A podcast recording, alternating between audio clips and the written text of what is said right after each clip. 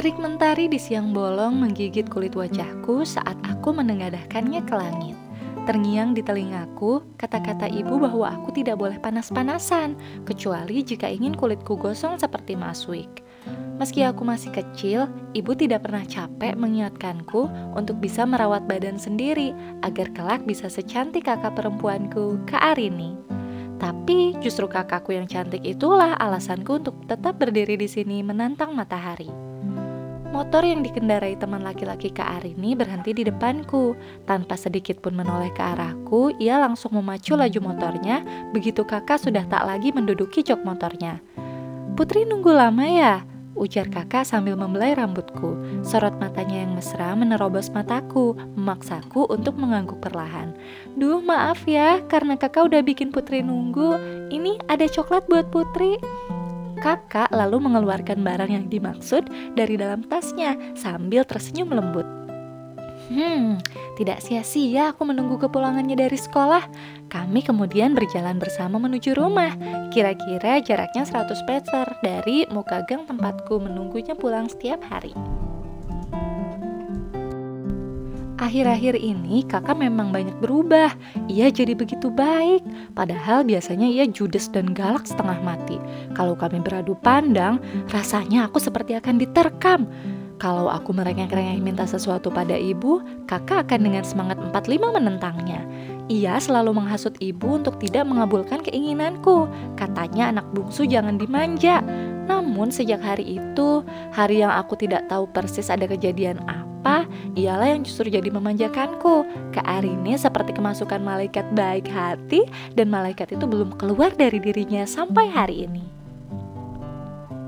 Dengan siapa kamu pulang? Tanya Mas Wik sambil mengelap motornya di beranda rumah, siap-siap untuk berangkat kerja. Aku dan kakak menghentikan langkah di depan pintu. Tadi dengan Lina mas, naik angkot. Suara kakak terdengar parau. Tarikan napasnya tersendat-sendat. Aku tidak mengerti mengapa kakak harus berbohong.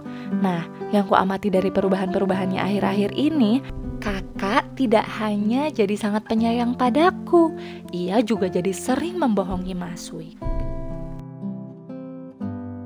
Pisang goreng hangat sudah tersedia di atas meja makan. Belum 15 menit ibu menaruhnya untuk sarapan, separuh sudah habis dimakan Mas Wik. Minggu ini kerja lembur bu, dari pagi sampai malam, maaf nggak akan sempat bantu-bantu, ujar Mas Wik sambil tetap melahapnya. Ibu hanya tersenyum. Mas Wik, anak tertua di keluarga kami memang pekerja keras. Meski ia baru tamat SMA 2 tahun lalu, ia tidak gengsi untuk bekerja di pabrik demi memenuhi kebutuhan kami. Karena ia sudah tiada. Hari ini di sekolah ada kegiatan tambahan, Rin. Kalau tidak, kamu bisa bantu-bantu ibu di warung. Tambah Mas Wik. Kak Arini memandangi kami sambil mencuil pisang goreng bagiannya. Arin gak janji mas, Arin ada. Gumam ke Arini Ada janji dengan laki-laki anak bengkel itu lagi. Potong Mas Wik sambil menggebrak meja sebelum kakak menyelesaikan ucapannya.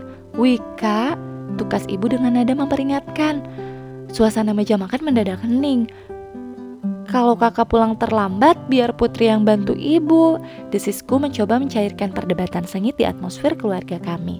Biasanya ucapanku akan lebih diperhatikan sih. Mas Wik tersenyum padaku, kemudian menghela napas dan tetap menatap tajam ke Arini. Kalau tidak ada kegiatan yang penting, kamu langsung pulang. Bantu ibu di warung. Jangan main dengan laki-laki nggak jelas. Kalau dia sudah main-main, tahu rasa kamu. Seno anak baik mas, jangan asal bicara. Bu, Arin berangkat. Kak Arini menjauhkan diri dari meja makan dan langsung menyelami ibu tanpa menoleh ke arahku sama sekali. Tapi aku sempat menatap matanya, ia memandangi Mas Wik tak suka. Wik, bicaralah pelan, sedikit pada adikmu. Ibu tidak mau dia kenapa-napa, desah ibu sepeninggal kakak. Mas Wik meletakkan kepalan tangannya di atas meja dan tampak berpikir keras. Dari dulu aku tidak suka sama laki-laki itu, Bu. Mas Wik meninggalkan meja makan, bergegas keluar rumah menuju sepeda motornya untuk pergi bekerja. Tidak lama terdengar suara mesin motor menderu. Putri main ke rumah Nanda ya, Bu. Ujarku sambil mencium tangan kurus ibu. Brak! Terdengar suara pintu dibanting. Aku mengintip dari balik celah pintu kamar. Kak Arini datang dengan seorang temannya yang sama-sama masih mengenakan seragam sekolah.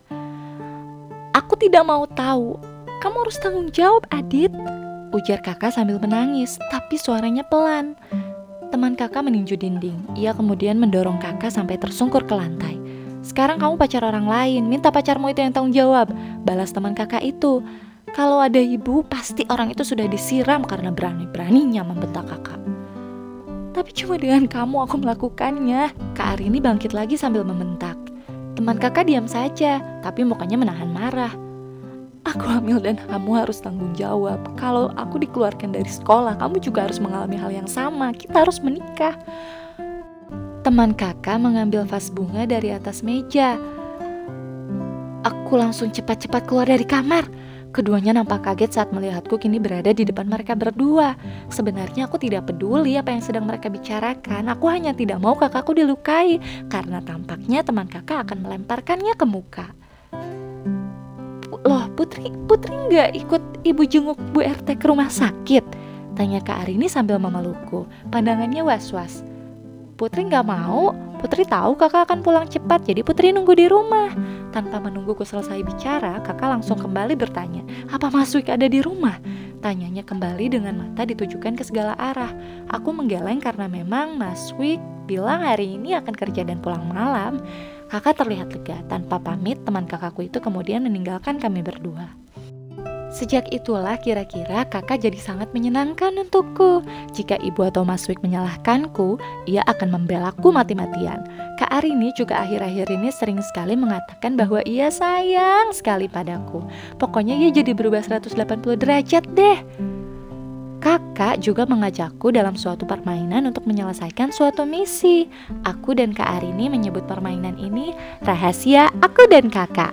Dalam permainan ini, aku dan kakak harus menjaga rahasia satu sama lain. Kami bisa saling menjahili dan saling memerintah dengan ancaman rahasia akan dibocorkan. Benar-benar asyik pokoknya, karena kejahilan kami sering membuat kami tertawa. Aku pernah mencoret-coret muka kakak menggunakan spidol kemudian menyuruhnya pergi ke warung. Kakak juga pernah melakukan hal yang tak kalah menggelikannya padaku. Kami melakukan hal ini agar rahasia kami tidak dibocorkan pada orang lain. Meskipun sebenarnya rahasia yang kusimpan tidak terlalu penting, hanya pernah menumpahkan minyak rambut masuk dan tidak bilang-bilang. Tapi aku sangat menikmati permainan ini. Sedangkan kakak memintaku untuk tidak menceritakan kejadian tempo hari pada siapa pun. Itu loh waktu teman kakak datang ke rumah dan marah-marah, aku harus menjaga rahasia atas apa yang ku dengar dan apa yang terjadi pada kakak. Kata kakak, permainan ini akan berakhir sesuai dengan kesepakatan. Suatu hari setelah azan subuh berkumandang, aku mendengar suara sirene mobil ambulans begitu keras.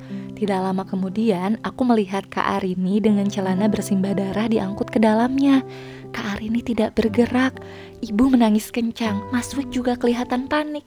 Aku yang terbangun dari tidur mungkin nampak tenang-tenang saja. Aku bingung sih, ada apa?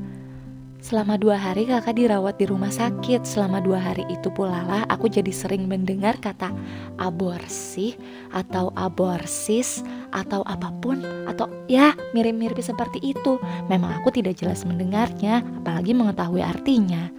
Aku mendengarnya dari tetangga-tetangga saat aku dan ibu lewat di depan mereka. Beberapa dari mereka menunjukkan rasa kasihannya.